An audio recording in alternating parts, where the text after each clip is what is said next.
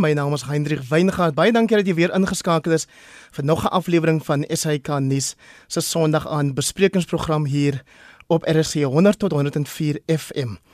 So in vanaand se program hoor jy die stemme en die standpunte van die politieke kommentators professor Dirk Kotse van Unisa en ook Dr Piet Kroukamp van die Noordwes Universiteit se Sakeskool. Naand Dirk en ook naand Piet. Goeienaand Hendrik. Goeienaand uh, eh, ander goeienaand Dirk. En dan saam met hulle vanaand eh, Dr Bram Hannekom, hy is van die Sentrum vir Publieke Getuienis en hy's ook 'n rubriekskrywer van die Burger. Naand aan jou ook Bram.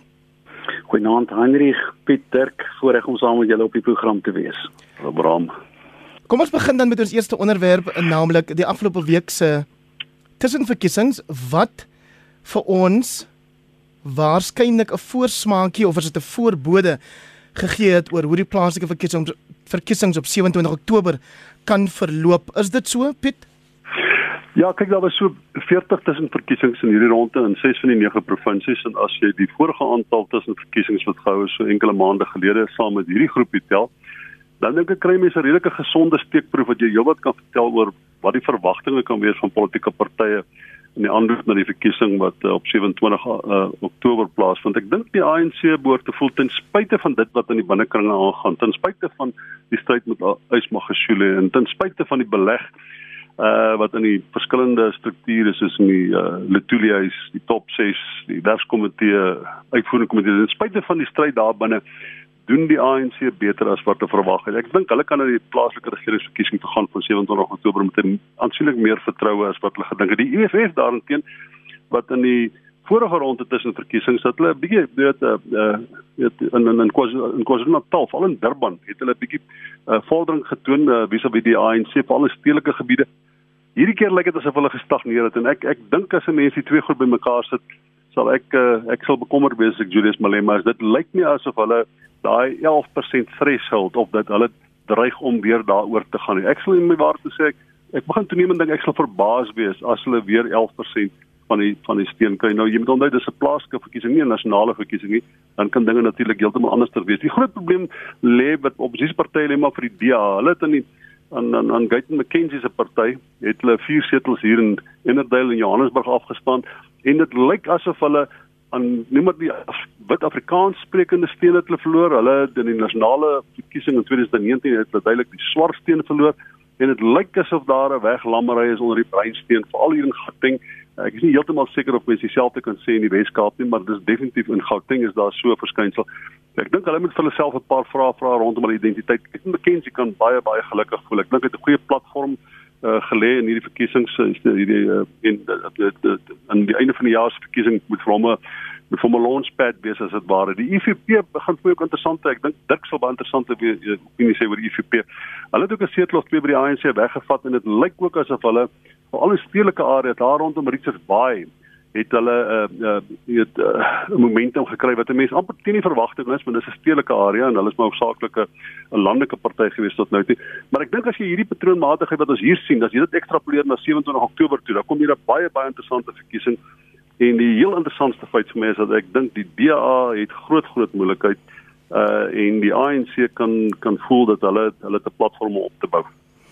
Hoekom sou tussenverkiesings so 'n duidelike aanduiding wees soos wat Piet laat glo, Dirk? Ja, tussen verkiesings word dikwels na gekyk as daar verskillende tendense is. Ehm um, en ek dink wat ons hier probeer kyk is of dit wel die geval is. Ehm um, as 'n mens kyk na al die tussenverkiesings vanaf November verlede jaar, dan is dit omtrent 200 uh, verkiesings wat uh, plaasgevind het um, uit 'n totaal van 4400. So ek is nie 100% seker dat dit 'n goeie uh 'n verteenwoordigende stemproef is nie. Uh, maar dit is wel kan mens sien dat daar sekere tendense hierso te sprake is en dit wat Piet nou genoem verwys het. Ek dink een wat uitstaan is die van dat die ANC baie stabiel is. Hulle uiteindelik uh peters in totaal het hulle gewen. Die DA het veral in die November tussenverkiesing het hulle ag skiet ons verloor um, en daarna het hulle gestabiliseer nou in die laaste ronde op die 19de Mei het hulle 4 van die 10 het hulle ook verloor hoofsaaklik soos hy gesê het na die Patriotic Alliance toe um, in Eldorado Park en dan het hulle vroeër ook een verloor na uh, die Patriotic Alliance in Beaufort West. So daar is verskillende tendense wat hier plaasvind na my mening, um, maar mens moet versigtig wees. Een van die hoofredes hoekom ons baie versigtig moet wees is die feit dat daar so groot verskil is in die verkiesings ehm uh, uh, deelname, die vlak van deelname. Ehm um, in sommige verkiesings uh, of die uh, wyke was dit so afsover of so min so 10% gewees. In my eie wijk hier in, in Swanie, Pretoria, ehm um, was die die die persentasie juist 10% gewees terwyl dit in 2016 46% was. En dat dit selfs laag was in verhouding ander die nasionale gemiddelde was 57% met hierdie tussenverkiesing was die gemiddelde landwyd vir hierdie 40 was dit uh, 35% gewees teenoor 57% van 19 van 2016. So ek is besigtig om as gevolg van hierdie groot verskille in die in die stempersentasie om om dit te beskou as 'n soort van aanduiding van waar waar toe die partye besig om te beweeg. Een van die hoofredes daarvoor is is dat daar som in baie uh, verkiesings in Oktober van daar kleiner uh, organisasies deelneem veral op, op in kleiner gebiede soos in die Karoo, ehm um, soos op die platteland in die algemeen. Ehm um, en, en dit het ons nie in hierdie verkiesing gesien nie. Dit was hoofsaaklik die groter partye wat daaraan deelgeneem het. Ehm um, wat ons ook nie baie gesien het nie was die rol van onafhanklikes. Ehm um, daar was net 'n paar onafhanklikes. Hulle het eintlik nie baie goed gedoen nie. Behalwe in Emadasleni in die ou Witbank uh, dis omtrent die beste wat wat 'n onafhanklike gedoen het. So die die patroon is nie baie duidelik nie. Ehm uh, die een ander patroon wat na my mening duidelik is egter is die en Pieter daarna verwys is die EFF dat die ek het spesifiek na al 40 uitslae gekyk van hierdie laaste verkiesing en hulle uitslae is baie swak. Uh, in die meeste gevalle kom hulle nie eers naby uh, om 'n bedingende of 'n 'n party te wees wat werklik bedingend was in die verkiesing gewees nie. So ek dink dit is vir soos wat hy gesê het, dit is vir Pieter Malema aan die leierskap van die EFF. Is dit 'n baie groot kopseer. En dis wat dit, sorry, dit kan ek net sê kom hulle wil hê. Daar kan ek jou ding eh, vra dan. Pieter sal jou Pieter sal jou nou nou kans gee. Ja, okay. Die 40 munisipale tussenverkiesings wat hierdie week landwyd plaasgevind het, het uiters goeie nuus ingehou vir die ANC, IFP en sommige onafhanklike kandidate. Redelike nuus vir die VF+, gemengde welslag vir die DA en baie slegte nuus vir die EFF. Dit was die sterkste en beste aanduiding in 'n baie lang tyd van hoe die politieke wind waai in die aanloop tot die landwyse munisipale verkiesings op 27 Oktober. So skryf Jan Janubert op marulamedia.co.za. Wat was jou oorhoofse indrukke van hierdie tussenverkiesings die afgelope week, Bram?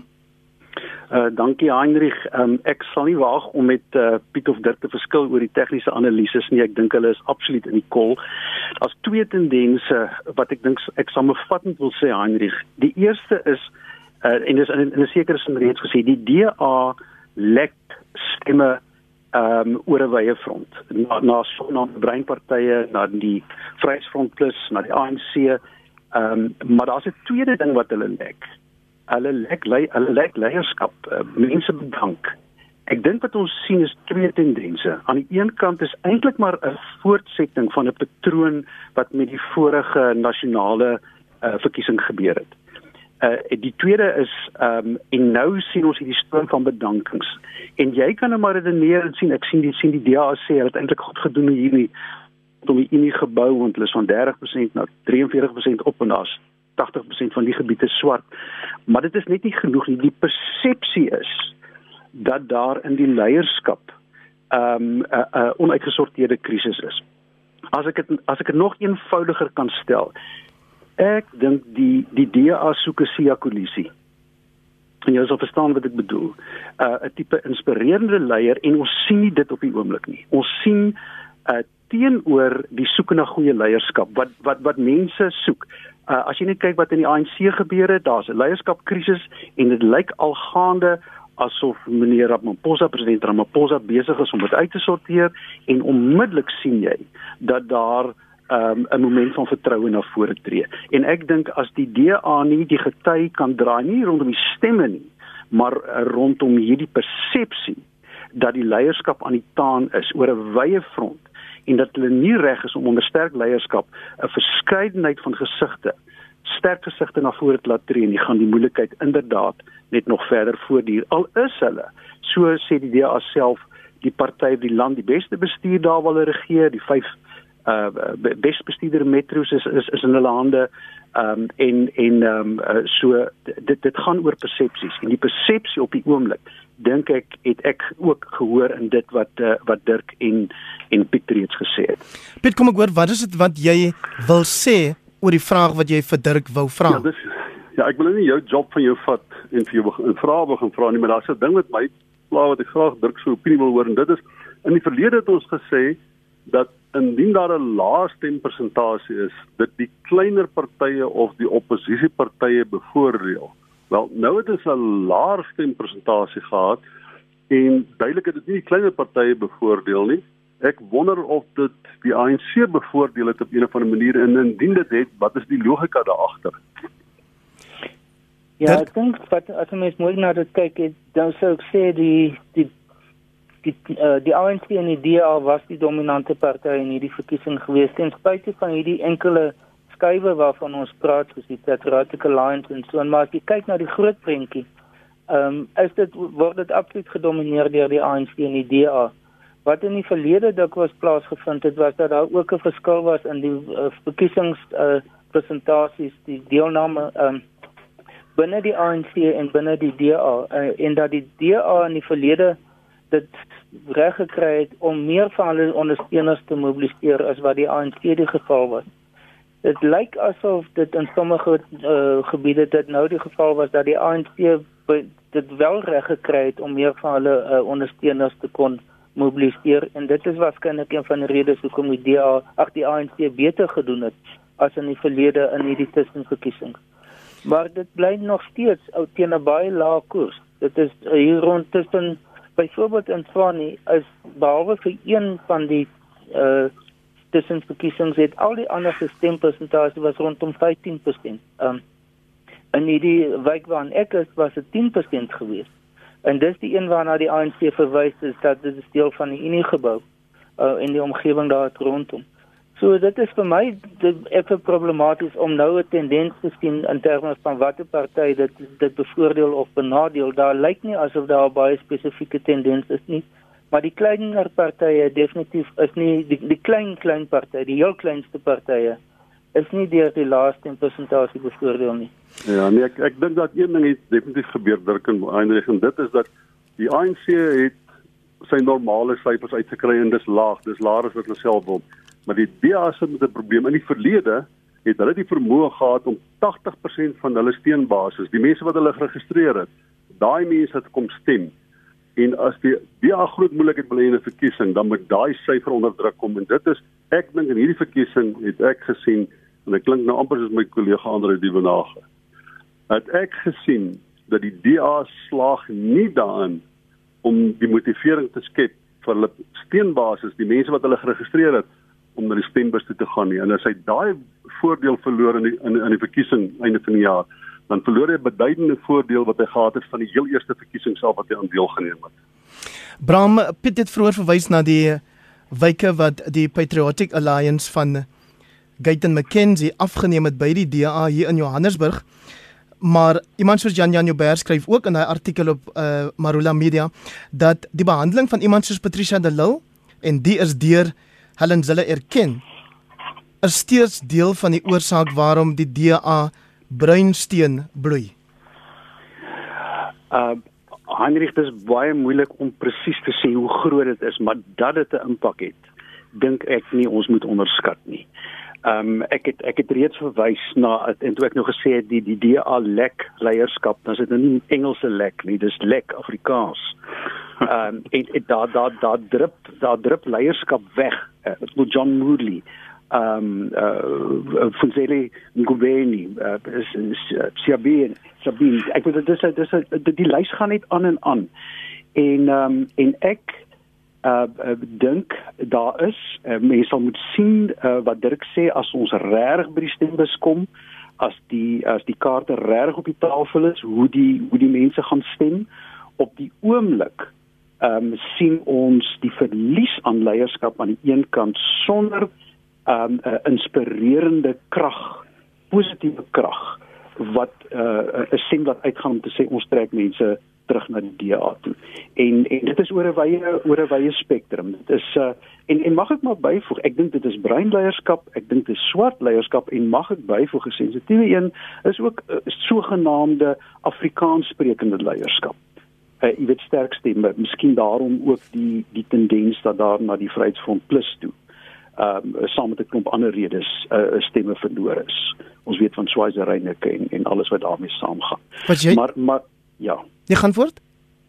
Nee, ek ek wil maar net sê ek dink 'n antwoord op jou vraag, 'n uh, kort antwoord, ek dink beslis uh daar lê vir die DA baie baie groot werk voor uh om om uh oor 'n wye spektrum in 'n diverse konteks 'n diverse span van sterk leiers na vore te te, te bring.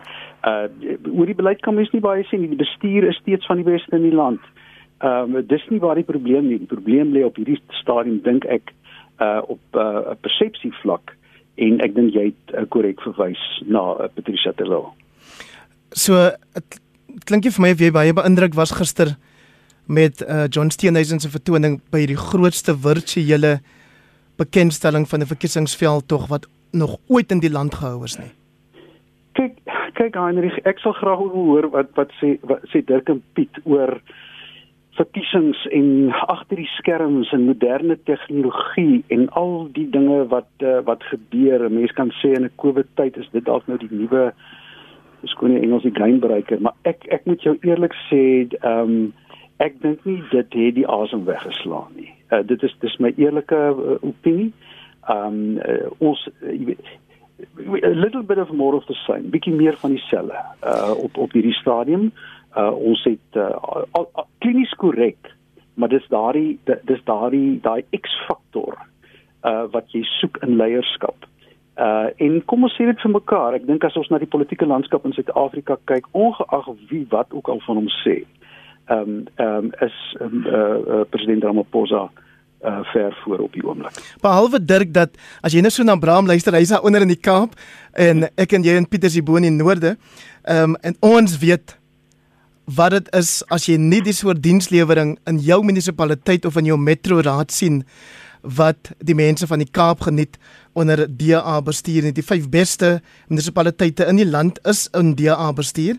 Oor die Weskaap word daar gereeld vir die Weskaap word daar gereeld pleintjies uitgedeel. En op die Sunday Times se voorblad vanoggend sê dit veel presies hoe dit in die meeste rade gaan waar die ANC regeer. Things fall apart Ja, dit is toe en en ek dink wat eh, wat gister gebeur het, ek die die boodskap van John Steenhuisen was in 'n groot mate dit geweest. Is die fokus wat die DA wil plaas op hulle rekord van dienslewering en wat hy nou bygevoeg het wat uh, waar hulle nou minder duidelik dit kan demonstreer wat die effek van hulle is is is die kwessie van armoede en dan ek kan wat hy noem ekonomiese hervorming, herstrukturering van die ekonomie maar op 'n ander manier as as wat die ANC in gedagte het. Ehm um, en wat dit gaan uh, fokus op groei en op op werkskepping uiteindelik. Dit begin 'n bietjie amper teoreties word omdat dit nie dieselfde direkte impak het as die uh, gedeelte van die van dienslewering nie. My vermoede is of antisipasie is, is dat hulle in die komende verkiesing hulle hoof fokus gaan wees om te sê kyk wat het ons gedoen in die verskillende munisipaliteite waar hmm. ons dan bewind is in terme van dienslewering en dit is wat ons vir julle kan bied as kiesers. Ek dink wat wat afwesig is daarin is dat daar is 'n tweede komponent en dit is waarvan Bram en Piet nou baie gepraat het.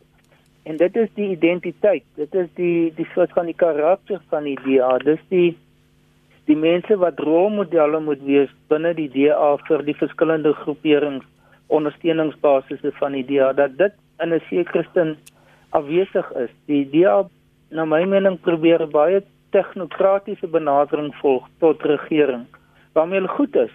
Maar dit is uh dit spreek 'n deel van die kiesers of die publiek in die algemeen se verwagting aan maar die idee van dat dit 'n politieke tuiste vir hulle moet wees dit is op die oomblik in 'n groot mate afwesig. En ek dink dit waar die DA die die idee van aan die politiek deelneem miskien nie 100% ehm uh, reg verstaan of reg lees nie en dit is dat baie mense veral swart persone wil aan die politi politiek deelneem omdat dit hulle sien dit as 'n politieke tuiste is deel van hulle politieke identiteit. Ehm um, terwyl die DA sien die politiek of, of as as 'n as iets wat 'n middel tot 'n doel 'n politieke party is daar om uiteindelik sekere resultate te lewer maar hulle het nie daardie amper sosiale konteks wat dit skep nie. En ek dink dit waar die DA dit miskien verkeerd of nie 100% lees soos wat baie mense die behoefte het om aan deel te neem nie. Ek ek, ek meen ek weet Graham kom uit 'n uit 'n soort van 'n religieuse agtergrond omgewing maar ek wil amper vergelyk maak met die met die kerk. Dat dit 'n soort van 'n sosiale inkome vir mense skep in die in die moderne tyd en dat politieke partye net seker staan dieselfde kan doen of dat mense dieselfde behoeftes het. En ek is nie seker dat die DA dit in daardie terme sien nie. En uh, dit dink ek is een van die redes hoekom veral aan breinkant uh, wat ons nou begin sien die idee van politieke uh, identiteit, van identiteitspolitiek of dit nou die goed partye is en of dit die concerned kyk color of die die uh, color uh, wat is kongres is hierdie groeperings wat praat van groter autonomie of selfs onafhanklik Gert van Sint tekens van hierdie uh, stoeke na 'n 'n soort van 'n identiteit, 'n gebondenheid wat uh, wat nie noodwendig sal bestaan binne die DA nie. Gert van Centurion sê John Steenhuisen het 'n pyp toespraak gemaak gister waar die DA regeer gaan dit beslis baie beter en Elna laat weet Zille is myns insiens die probleem by die DA, hulle kry beslis nie Elna se stem nie. En dan 'n boodskap van Jaco wat sê moenie die vrees van COVID onderskat nie. Die mense wat DA stem is heel waarskynlik meer bekommerd om COVID by die stembus te kry as wat ANC ondersteuners is. Piet, laat ek dan hoor jou reaksie. Die afgelope week het Dirk ook op Newsroom Africa gesê mense sal hy wonder of mense sal bang wees om uit te gaan om te gaan stem. En nou het die verkiesingskommissie vir regter Dikgang Moseneke aangestel om te bepaal of dit raadsaam sal wees om wel met die verkiesing voort te gaan? Ja, kyk, die groot probleem natuurlik is as uh die uh wanneer verkiesings plaasvind, uh, minstens dit met elke 5 jaar dan verval die termyn en ek verlaat my nou op my kollega Almien de Plessis wat vanmiddag my gesit 'n lecture het hieroor. Dan verval die termyn van die bestaande raadslede byvoorbeeld. So ehm um, uh, hulle kan nie aangaan nie So daar moet 'n verkiesing wees of daar moet iets 'n intrede wees om voorsiening te maak vir die feit dat hulle termyn dan nou daar beëindig word. Jy sal waarskynlik die grondwet moet wysig om om dit moontlik te maak. Nou uh indien die die die uh, regter Mosenek nou uh, op 'n of ander manier tot 'n praktiese oorweging wil kom, sal hy teen die die die die, die probleem vasstap dat jy sal moet 'n wysiging aan die grondwet aanbring. Die ander ding is as daai as daai wysiging uitgedaag word of as die hele idee uitgedaag word deur oppositiepartye dat daar uh, nie 'n verkiesing moet wees nie, gaan dit baie baie moeilik wees vir die ANC om dit in hof te wen. Ek dink dis net 'n teoretiese ding hierdie. Uiteindelik sal niks daarvan kom nie. Ehm um, daar's baie verkiesings wêreldwyd gehou midde die pandemie. Uh ons het midde die pandemie het ons klomp uh, uh middeltermyn verkiesings gehou, kleiner verkiesings, baie verkiesings gehou. Uh ek dink dit moet baie onwaarskynlik wees. Ek dink dit is net 'n teoretiese ding. Die EFF sal waarskynlik uh, op die ou end dis moeilik om te sê waar hulle met hulle swyle gat wees dan maklik, maar die DA gaan dit definitief op neer baie kleiner partye gaan dit op neer. Ek dink dis net 'n teoretiese ding. Ons gaan verkiesing hou die 27ste Oktober. Daar's net te veel aan die aan die spelreëls wat jy moet wysig uh die howe wat betrokke kan word, uh die regbank die die die constitutional court wat betrokke kan word. Ek dink nie dit gaan afkom nie. En daar's ons ons het verkiesings gehou in die konteks van COVID en wêreldwyd is daar verkiesings gehou. Dr Piet Kroukamp is van die Noordwes Universiteit se Sakeskole bekende politieke ontleder. Saam met hom vanaand 'n ander bekende politieke ontleder, professor Dirk Kotse van Unisa en dan ook Dr Bram Hannekom van die Sentrum vir Publieke Getuienis en 'n rubriekskrywer van die Burger. Jy kan saamgesels soos wat hele paar van julle nou al reeds doen deur vir ons 'n SMS te stuur na 45889. Ek gaan nou 'n klankgreep speel van Dr Ellen Bosak om ons volgende onderwerp, naamlik die konflik tussen Israel en Palestina of seker Israel en Hamas in te lei. En uh, dan sal ek my paneel kry om hulle kommentaar te lewer. Ons het verlede week hieroor gepraat. Ehm um, intussen is daar 'n skietstilstand aangekondig, so ek sal nie wil hê ons moet teruggaan na uh, soveel jare terug nie, maar dat ons eerder praat van of daar hoop is dat hierdie skietstilstand skietstilstand wel die vir die gewenste resultate sal lewer Dr Ellen Bosak van die diefstal van die land tot die paswette tot die groepsgebiede wette tot al daardie sogenaamde sekuriteitswette waarmee die Palestynë onder dwang gedoen word alles wat Israel wil hê en alles met 'n onmiskenbare rassistiese inslag. En tog moet 'n mens sê in alle eerlikheid dat daar is aspekte waar die Israeliese apartheid veel erger is as die Suid-Afrikaanse apartheid. En elke swart Suid-Afrikaner wat in Israel was, is bereid om daardie erkenning te maak, maar die vraag is dan wat sê dit van Israel en wat sê dit van die toekoms van die mense van Israel? Wat my betref het die Suid-Afrikaanse regering 'n uh, baie baie goeie beleid teenoor Palestina op papier. En nou is dit tyd veral as ons nou sien wat hierdie laaste week gebeur het dat die Suid-Afrikaanse regering moet ophou om lippediens te bewys aan daardie baie goeie standpunt op die Palestynse Israeliese kwessie. Dit beteken ons moet onomwonde ons steun gee aan die internasionale boikot en sanksiestrategie omdat ons dit self gedoen het en self sien hoe effektief dit was.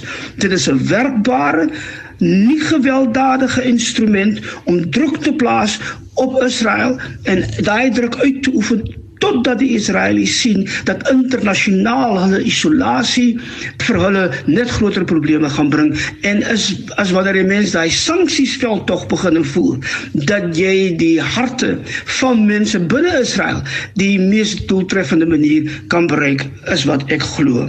En dan in die laaste plek dink ek die tyd het gekom dat die Suid-Afrikaanse regering alle diplomatieke bande met Israel moet verbreek totdat die Israeliese regering tot ander insigte kom. Daar is nie 'n kans in die wêreld dat Suid-Afrika soveel invloed op Israel kastig sou hê om Israel te beweeg om te doen as die Amerikaners nie dit wil doen nie en as die Europese Unie dit nie wil doen nie. Die dae van die groot samewerking tussen apartheid Suid-Afrika en apartheid Israel is verby en dit is tyd dat ons regering absoluut duidelik maak dat dit wel verby is.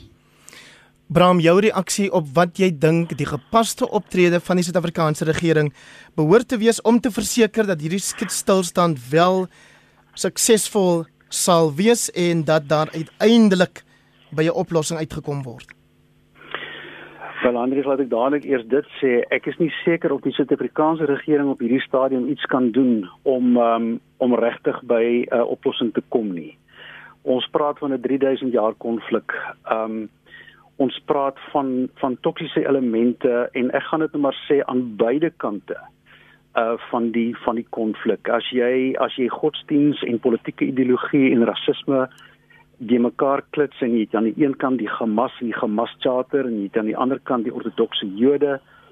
Ehm um, en jy het trauma en ek wens ons het ek wens ons het 'n uur tyd gehad om om oor die trauma aan buitekante van die konflik te kyk en hoe dit die konflik uh, geïnternaliseer het in mense dan dink ek uh, ek dink nie dit gaan sommer vinnig gebeur nie laat ek verduidelik hoekom ek dit sê.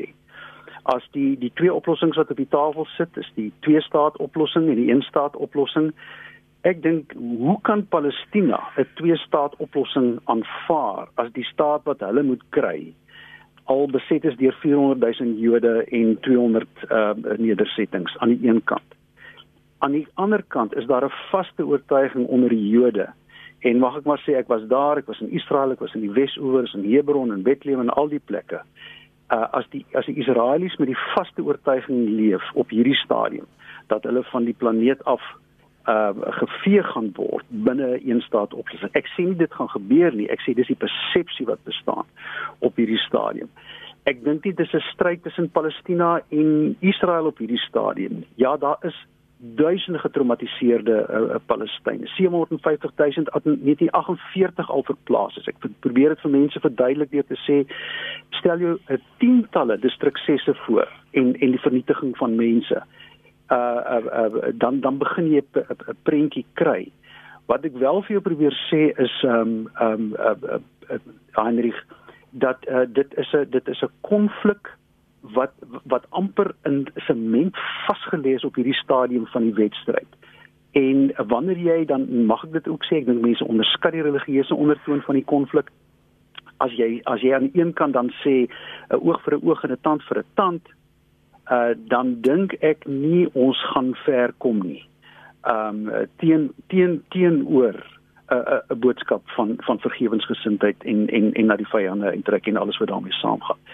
Die laaste wat ek net wil sê is wat dit so verskriklik moeilik maak. En ek het voor die program vir iemand gesê ek moet maak nie saak wat jy sien, daar gaan mense wees wat vir jou gaan kwaad wees. Dit gaan nie net oor die die aanbieding van die feite nie, maar dit gaan die deel van die krisis is die selektiewe aanbieding van die feite. Ehm um, wat ons reg as jy nou die Sanitaans vandag Rabbi uh, Warren uh, Goldstein se artikel, jy kan Erwin Johnson se artikel lees. Baie van die goed is waar maar dis die selektiewe aanbieding en dan mag ek net die laaste sê oor apartheid. Ehm um, voordat ek dan jou jou jou jou uh, vraag finaal beantwoord is. Ja, jy moet net oor Lucy Dop ook asseblief vir ja, Bram. Ja, kan ek net sê uh, die oor rondom apartheid. Mense sê daar is nie apartheid in Israel nie. Maar dan moet jy gaan kyk. Dit gaan nie net oor Israel nie. Dit gaan oor wat buite die grense van Israel in die Wes-oewer, die gebiede A, B en C gebeur, wat in Gaza gebeur dan word dit 'n baie komplekse vraag en ek het ek het voorreg gehad om om die roadmap to apartheid te gaan kyk laasweek in die na, in die Labia nadat dit na 9 jaar daar verbied was of vir 9 jaar verbied was. Uh, uh ek het al weggestap maar en ek het myself gesê dankie, dankie, dankie vir wat in 1994 in Suid-Afrika gebeur het. Um ek dink die mense verstaan nie ons het baie baie werk En in antwoord op jou vraag, ek dink die die Afrikaanse regering moenie ophou druk sit op beide partye. Israel en Hamas. Ek sê weer die stryd is nie so seer altyd in Israel en en Palestina nie. Dit is in Israel en Hamas voel dit vir my baie keer op hierdie stadium. Uh daai druk bly op sit, die pad bly loop. Um en dan kyk waar ons uitkom. 'n minuut vir jou asseblief Dirk om vir ons te sê uh, Bram het verwys na die religieuse ondertone En ek het ook gevind in die SMS'e wat RSG luisteraars stuur, byvoorbeeld, praat hulle van Israel asof dit steeds die Israel van die Bybel is. Ehm um, en ek weet nie of ons genoeg rekening hou daarmee dat daar ook Suid-Afrikaanse Jode is wat gekant is teen die besetting daar in Palestina byvoorbeeld nie. Ehm um, jou reaksie hierop? Ja, net ek, ek kan nie regtig verbeter op dit wat Bram nou genoem het nie. Ek dink daar's 'n paar net 'n paar punte wat ek wil bysit meer van net 'n politieke oogpunt. Hierdie skietstilstand is oorspronklik met Hamas. Dis nie deel dit was nie bin dis nie deel of die PLO en Al-Fatah as deel van die PLO wat oorspronklik in die Wesbank is, is nie werklik deel hiervan nie. So dit is 'n dis 'n gedeelte van die Palestynë wat oorspronklik in Gaza is wat deur hierdie skietstilstand geraak word. In die geval van die uh, eh, PLO of Al-Fatah en en die Wesbank is daar nie dieselfde militêre komponent wat bespreek is as wat dit in Gaza is nie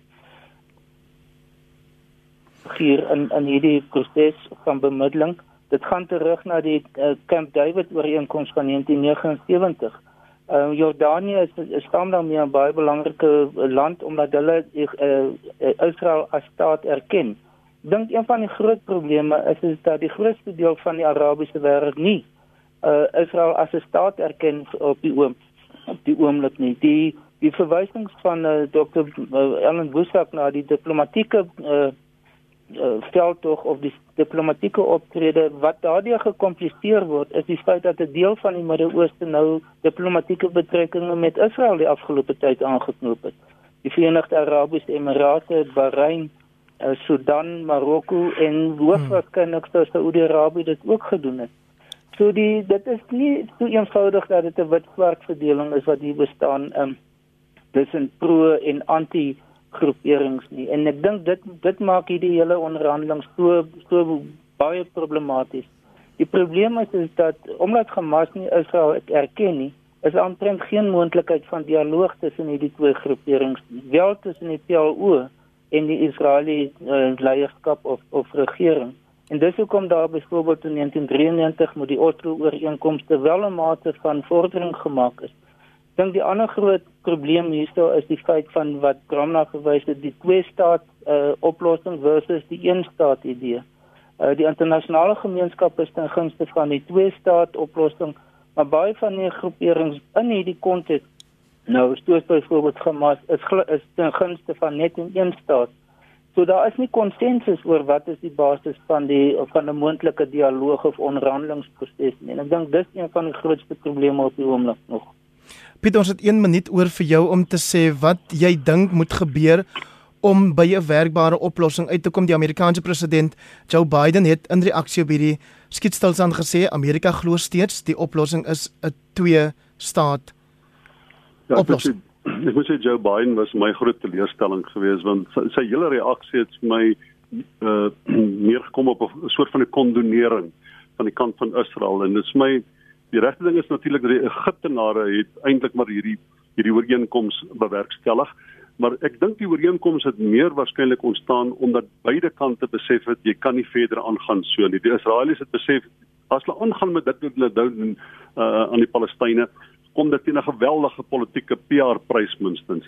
En ek dink die Hamas het besef uh, op 'n stadium sal hulle begin steen verloor as die verwoesting aangaan. Met ander woorde daai wat jy Israel as dit ware uh, uitdaag om te doen wat hulle doen met alhoewel die vernietiging van groot dele van van van van die Gaza en, nie heeltemal die Wesbank maar van die Gaza. So ek dink hierdie hierdie skietstilstand het ontstaan as dit ware as 'n natuurlike proses omdat beide kante te besef het die prys van die verder met hierdie stryd gaan is eenvoudig net te hoog. Uh maar vir my is dit vir my is dit baie goed dat dat e-, Egipte eerder as Amerika uh die leiding geneem het om hierdie noem dit nou maar hierdie truce uh op 'n of ander manier te maak staan. So waar laat dit ons as jy in 30 sekondes 'n laaste opmerking kan maak, Bram? Heinrich, ehm um, wat dit ons laat is ons moet versigtig wees om vinnige goedkoop antwoorde te gee op 'n konflik uh wat oneindige veelkantigheid het. daarmee sê ek nie dat daar nie baie baie sentiment vir die Palestynë en ek sê nie Hamas nie, vir Palestynë ontwikkel het nie. Ek dink ons sal moet baie diep inkyk uh, baie dieper as op die oomblik in wat werklik aangaan die mense, nie Palestynë Hamas, die mense, die kinders wat daar woon. Wanneer jy daai mense gesien het, dan besef jy net wat op die oomblik gebeur kan nie so aangaan nie. Baie baie dankie vir jou deelname vanaand Dr. Bram Hannekom is die hoof van die sentrum vir publieke getuienis saam met hom vanaand Dr Piet Kroukamp wat 'n politieke ontleder is van die Noordwes Universiteit se Sakeskool en dan saam met hulle professor Dirk Coetzee, 'n politieke ontleder van Unisa.